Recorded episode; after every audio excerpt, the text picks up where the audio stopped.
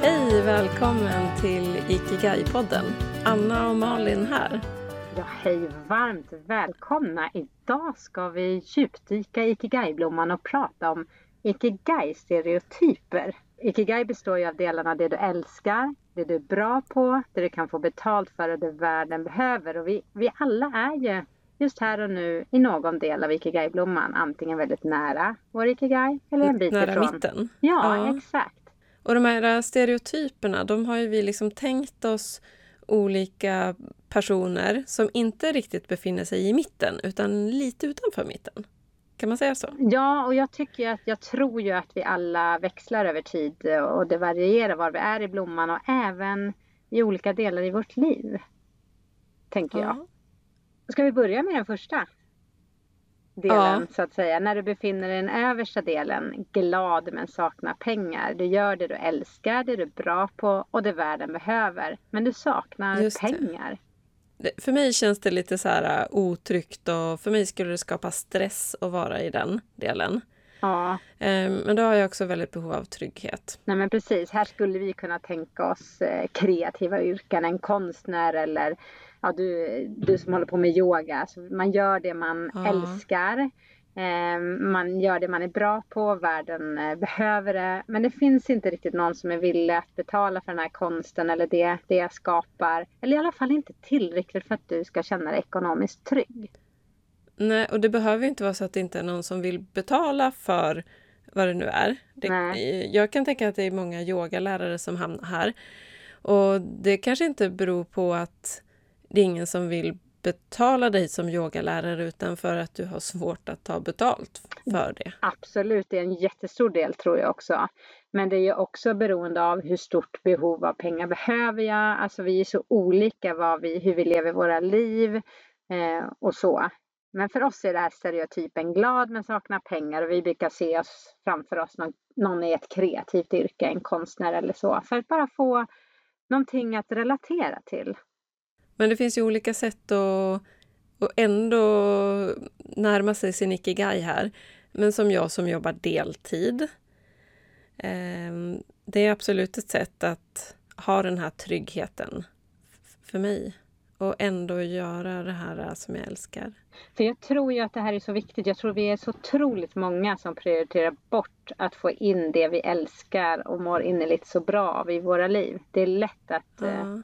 Snurra runt ett Men, och jag kan inte låta bli att tänka på, för att på våra workshoppar så har vi stött på faktiskt ganska många personer som har liksom kommit till den här äh, åldern när man får gå i pension i Sverige Ja. och, och liksom ekonomin händer av sig själv. Nej, så kanske man inte ska säga, för det är, inte- det, så är det ju inte. Vi har ju slitit ett helt liv eh, för de pengarna. Men, men det finns någonting som händer där, verkar det som. Det är Ja. slutsatser jag har dragit i alla fall. Mm. Men man ska inte behöva vänta tills man blir 65 för att kunna leva Nej. sin ikigai. Nej, min eh, målbild är ju att, att eh, skapa ett liv där jag inte eh, längtar till semester. Jag behöver inte ta semester, jag behöver inte längta till pensionen. Och jag tror att det är viktigt att eh, tro att det är möjligt att få in de här sakerna i sitt liv. Att verkligen ha det du älskar och det du är bra på, det världen behöver i ditt liv på något vis under hela, hela, hela ditt liv. Men sen är det så olika vad. Vad är det du behöver och vad är det du älskar? En annan sån här stereotyp, där brukar vi tänka oss eh, ja, men en som är nöjd och befinner sig i den här det du är bra på och, och det du älskar och det du kan få betalt för. Men, men det saknas den här meningen. Så nöjd med där du är men saknar den större meningen. Ja, exakt. Världen behöver inte det som, som du gör på dagarna. Vi brukar väl prata lite om att eh, jobba i en fabrik som skapar cigaretter eller snus. Eller jag brukar tänka även de som jobbar med sms-lån. Eh, jag känner inte att det bidrar till något i världen. Och det är säkert olika vad man känner som inte bidrar till något bättre. Men jobbar du med att tillverka snus, säger vi. Jag eh, som har jobbat mycket med logistik, jag kan ju innerligt älska och skapa och se hur den här logistikprocessen blir perfekt och flödena verkligen flödar. Så det går ju verkligen att vara bra på det, älska det jag gör och få betalt. Men ja, jag tror ju knappast världen behöver cigaretter. Och någonstans Jag kom... gjorde ju ganska tidigt ett val i min karriär och inte satte mig i den här rutan. Eftersom jag gick reglerteknik och automation och så, så den mest spännande tekniken inom det området, det var ju faktiskt inom vapenindustrin. Ja. Mm. Och där kände jag så starkt, nej, jag kan inte jobba här. Det spelade liksom ingen roll att det var det flashigaste och det mest tekniska och det liksom så, för det hade aldrig gått för mig rent värderingsmässigt. Nej, men jag tror det hänger mycket kopplat till värderingar och jag mm. tror att det är viktigt att vara sann och ärlig mot sig själv där. Och ja, visst kan mm. vi testa saker men att sen känna att vänta nu, det som skaver är ju faktiskt att jag tror inte på den här produkten eller på det, det, vi, det vi skapar för samhället. Och det tror jag ja, men det är något tufft på många ställen idag där vi kanske jobbar med saker vi älskar, är bra på det och vi tror på det men det kanske inte riktigt blir så som vi kan stå bakom det. Då tror jag att den här mm. känslan kan mm. komma. Och det kan ju handla om att produkten vi skapar eller det vi ger är väldigt bra. Men jag kan tänka mig att om man jobbar inom sjukvården och annat och känner att man inte räcker till kan räcka för att känna att det blir inte den meningen. Det blir inte på det sättet som jag skulle vilja möta mina patienter på och så vidare. Så det kan, mm. tror jag mm. också kan vara individer som känner igen sig i att men jag älskar och jag tror på det här men mening det är inte, jag står inte bakom med mina värderingar och prioriteringar. Mm. Mm. Ja, och då får vi inte den här känslan av eh, ikigai eller drömliv. Nej. Ska vi gå vidare till nästa sån här ja. stereotyp? Ja, men den hänger ju lite ihop där med att nej, men vi brukar kalla den den här att när man är trygg men har en känsla av tomhet. Jag, jag är bra på det jag gör. Eh, världen behöver det och jag kan få betalt för det men jag älskar inte det jag gör. Det är lite motsatsen mm. mot den här första konstnären. Att eh, jag har tappat bort den här det jag brinner för, mina passioner finns inte med på jobbet. Och jag kan känna igen mig här när det är kopplat till min, min karriär som civilingenjör. Att i, i min bokhylla hemma så har ju inte jag massa böcker om teknikskiften och annat. Utan jag, eh, var, ja, jag kom ju tidigt in på chefskarriären mycket för att jag älskar innerligt de här mötena med människorna och få se andra växa och jobba med de mjuka bitarna. Så jag löste det ju så mm. istället kan man säga. Ja, så här, i den här kan du känna igen dig. Mm, absolut. Trygg men en känsla av tomhet. Ja, men just det här med att eh, kanske inte i början så är allting så nytt och det händer. Jag har haft väldigt lätt för mig att passa in i industrin, fått nya tjänster. Det har bara rullat på. Men ju äldre jag blir så har jag haft en längtan att få in mer och mer av det jag verkligen älskar innerligt. Om jag tänker så här, lite som jag var inne på, att jag vill skapa ett liv som jag inte vill ta semester ifrån. Då vill jag skapa ett jobb mm. som jag går till oavsett om jag får betalt eller inte. Sen behöver jag få ekonomin att gå ihop. Men just den här känslan vill jag ha. Att jag inte, jag vet inte, är det fritid eller jobb nu? För att det är liksom så kul så att det kan lika gärna vara fritid eller jobb. Jag vill integrera mitt liv i helheten. Ja, det låter faktiskt väldigt inspirerande tycker jag. Och just jag menar, ha den här passionen för det jag gör. Då, jag tror att man blir lite bättre på det man gör då också. Ja, jag tror att det blir magi. Alltså det helt plötsligt skapas något som jag inte trodde var möjligt. På de nivåerna tror jag det blir. Men jag tror det är lätt att hamna här. Men om man befinner sig där då, vad, vad kan man göra? Ja, men till viss del tror jag det är att landa och känna efter och våga känna var, varför är jag där jag är nu. För att jag tror många hamnar här, ja men som jag, jag var duktig, jag hade femma i teknik på högstadiet. De såg till att jag hamnade i en teknikklass, peppade mig och så helt plötsligt hade jag, jag bara hamnat i den här världen. Och jag tror att det är många som hamnar, kanske när det är jobb som har hög lön och status eller min omgivning jag kanske inte alls brinner för att bli läkare men, men min omgivning eh, peppar mig och jag kommer in och har kapacitet för det. Då är det nog lätt att hamna här och jag tror det är nog inget ovanligt, men var sann och ärlig mot sig själv. Men sen tillbaks, ja men jag kanske kan gå ner och jobba deltid. Jag kanske kan ta små steg mot min passion, få in mer av det. Jag tror inte det behöver vara så drastiskt som att man säger upp sig och slutar helt som jag till slut har gjort. Men Utan de där små stegen tror jag är precis lika värdefulla. Börja med att jobba deltid. Fyll på med annat. Eller börja med att prata med dina kollegor om att byta arbetsuppgifter till fler uppgifter som du älskar och så vidare. Just det. Du tror inte att du kan liksom lära dig att älska eh, de här teknikprocesserna utan det Jo, jag har ju lätt för att gå igång och älska saker. Men jag tror att man ställer nya förväntningar och krav på sitt liv ju längre man kommer på sin ikigai-resa tror jag. Så jag tror i början tror jag absolut att det är att, ja men som jag gjorde, jag bytte, eller bytte, jag, jag hamnade i chefsledet och jag älskade mycket av de bitarna. Jag älskade egentligen allt utom teknikmötena. De tyckte inte jag var några roliga. Och så satt jag en gång och tänkte när vi skulle planera, det var en fabrik som skulle byggas om, så tänkte jag Nej, nu sitter jag och tar upp en plats för någon som älskar det här. Någon som hade älskat att vara här och planera för den nya linen. Det var faktiskt en insikt. Den personen ska sitta här, inte jag. Mm. Så det blev en liten pusselbit på vägen att komma vidare. Ja. Men det är många år ja. sedan. Ja, jag är lite grann mer nörd. Jag kan ju mm. ganska lätt nörda in mig på olika teknikämnen och, och tycka det är jättespännande. Mm. Uh, Ja, och, och hamna liksom, ja men det är märkligt att säga, men en liten passion har jag just nu för pannoperatörer. Det är jätteknäppt. Ja, ja det är knäppt. Det jag går jag. igång på det liksom. Men det är ju tur att det finns sådär, för jag, Freja har en, en, eh, fin vän vars pappa är, jobbar med materialteknik och när han pratar om de här, det är utmattningsprover på lastbilar, och när han pratar om dem oj vilken passion, vilken glöd, vad han längtar till sitt jobb och jag tänker gud vilken tur att vi är olika, att det finns, att vi har olika passioner. Eh, men det är fantastiskt att träffa människor som har den där passionen oavsett vad det handlar om. Jag dras ju med oavsett. Ja, ja, ja. ja jag, jag träffar ju på många sådana i, i mitt jobb. Jag konsulter som brinner för ämnen och, och jag kan börja brinna bara för att Eh, ja, men, eh, sist pratade jag med en som som AMA och bygghandlingar och det är ingenting som jag går igång på egentligen. Men, men bara för att han är så intresserad av det så, så bara, åh, nej, jag kanske måste läsa på lite grann om det också.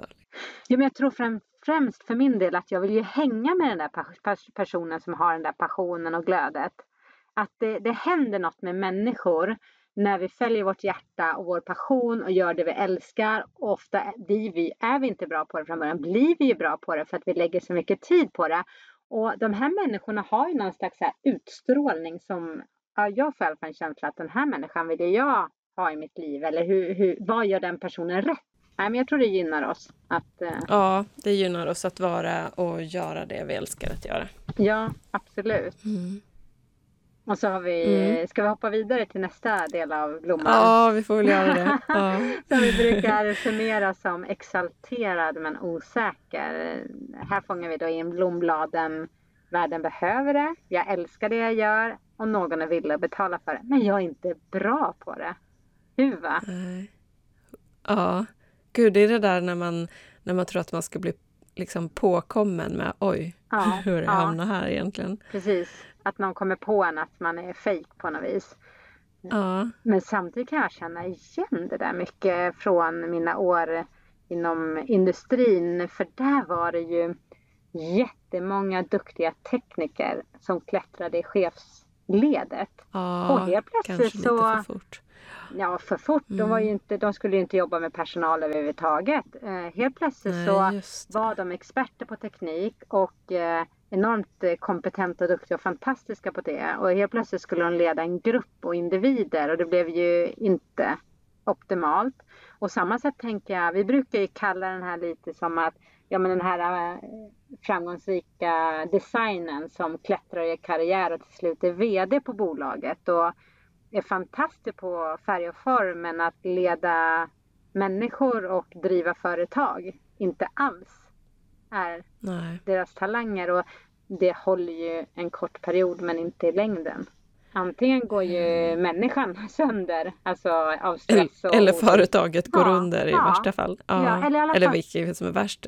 Eller inte får den, eh, liksom, det blir inte den potential som, som det kan ha i framgång. Mm. Nej, det blir inte den där magin. Ja, men det, det är liksom i, i ett ganska stort perspektiv. Men om man tänker i mindre perspektiv då, i det jag gör varje dag och det jag... Att se till att omge sig och få in alla delar i det lilla. Ja, det är ju egentligen eh, det du var inne på. Vad kan man göra dagligen? Att verkligen fundera på, men vänta nu, får jag, in, får jag upp min energi varje dag? För det är väl det jag egentligen tänker att oavsett vad jag gör, om jag går till jobbet, umgås med vänner eller min familj, så vill jag att min energi ska, ska öka eller i alla fall hållas uppe. Jag vill ju inte få några energidränage under dagen. Och då kan man ju med små sätt, eh, ja men vad behöver jag för att må bra? Ja, men jag behöver komma ut och röra på mig och så vidare. Jag behöver sova ordentligt. Jag behöver ha tid med min familj. Att fundera på sitt ikigai-pussel, både i det stora och i det lilla. Både det jag behöver, det, jag kanske behöver min morgonyoga och det världen behöver det, det är i det jag möter andra och ja, men det här lilla leendet brukar vi prata om, liksom att man ser människor runt omkring och tar hand om saker, både, både naturen och, och omvärlden. Ja, men det tror jag. Och, och ett jobb ja. som, som man får betalt. Och, och, och det du är bra på.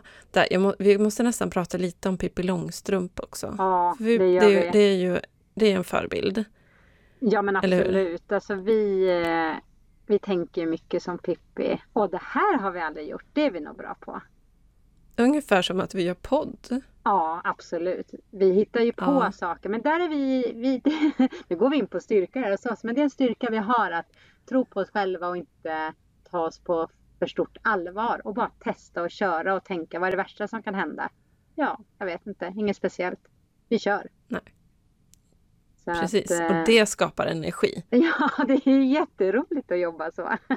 Och det är ju fördelen när man har eget, eget företag att då får man ju välja. Man kan ju tuta och köra. På en större industri så är det lite mer processer och ledtider och beslutsgångar.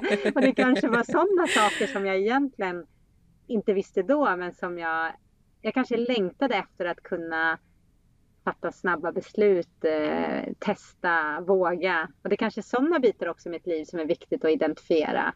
Trivs jag på en fast tjänst på ett stort företag där processerna är långsamma och ledtider? Eller är det andra saker som är viktiga? Så det är ju många pusselbitar i det här som, som leder mig framåt. Ja. Faktiskt. Ja. Men, men dröm... Men bara att det stanna upp och reflektera över det. Ja, Enormt det är nyttigt. För, mm. för målet måste ju ändå vara att jag är nöjd, jag är glad, jag är ekonomiskt trygg och jag får ha den där exalterade känslan ibland och bara ja, testa nytt, våga. Ja, såklart. Att det fyller mitt liv. Men som sagt nu pratar vi väldigt mycket om konkreta yrken eller jobb, men jag tänker det bredare. Men jag tycker om att se det här konkreta för att få den här reflektionen. Men för mig handlar det mycket om värderingar, prioriteringar och sen lägga mitt dagliga pussel. Vad behöver jag varje dag för att må bra och skapa magi på sikt? Men du, jag tänkte på, nu har vi pratat om blomman och, och sådär och i, i det här mediet så har vi bara ljud. Men om man vill se en bild av eh, Ikigai-blomman med de här stereotyperna så finns det en sån på vår hemsida ikigaiyoga.se Ja. Och den finns under eh, rubriken Ikigai och fyra frågor. Ja, precis. Eh, så om du som lyssnar vill se lite bild av det här och, och läsa lite grann så gå in på vår hemsida. Ja men precis, och vi kan ju passa på att tipsa också att när du blir eh, prenumerant på vårt nyhetsbrev så har vi någonting som vi kallar Ikigai-guiden. Det är helt enkelt en skrivbar pdf med 25 frågor för att kom igång att finna din ikigai. Så det kan också vara ett tips. Eh, men vad ska vi skicka med, med lyssnarna idag? Är det helt enkelt planera in lite reflektionstid kring dina egna ikigai-stereotyper i ditt liv? Både... Det tycker jag. Ja. Det är en jättebra uppgift att göra.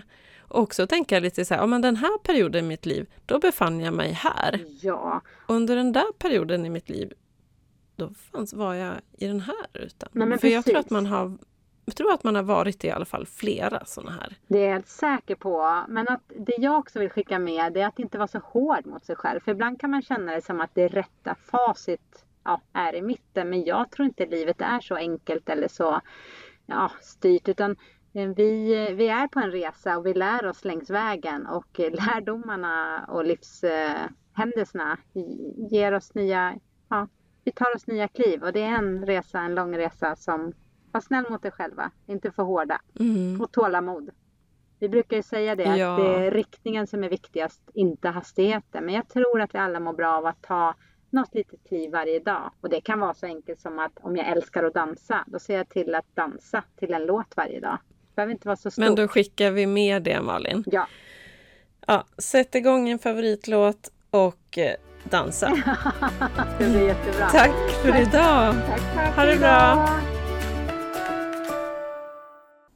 Ikigai-podden presenteras av oss, Malin och Anna på Ikigai Yoga. För dig som vill finna och leva din Ikigai.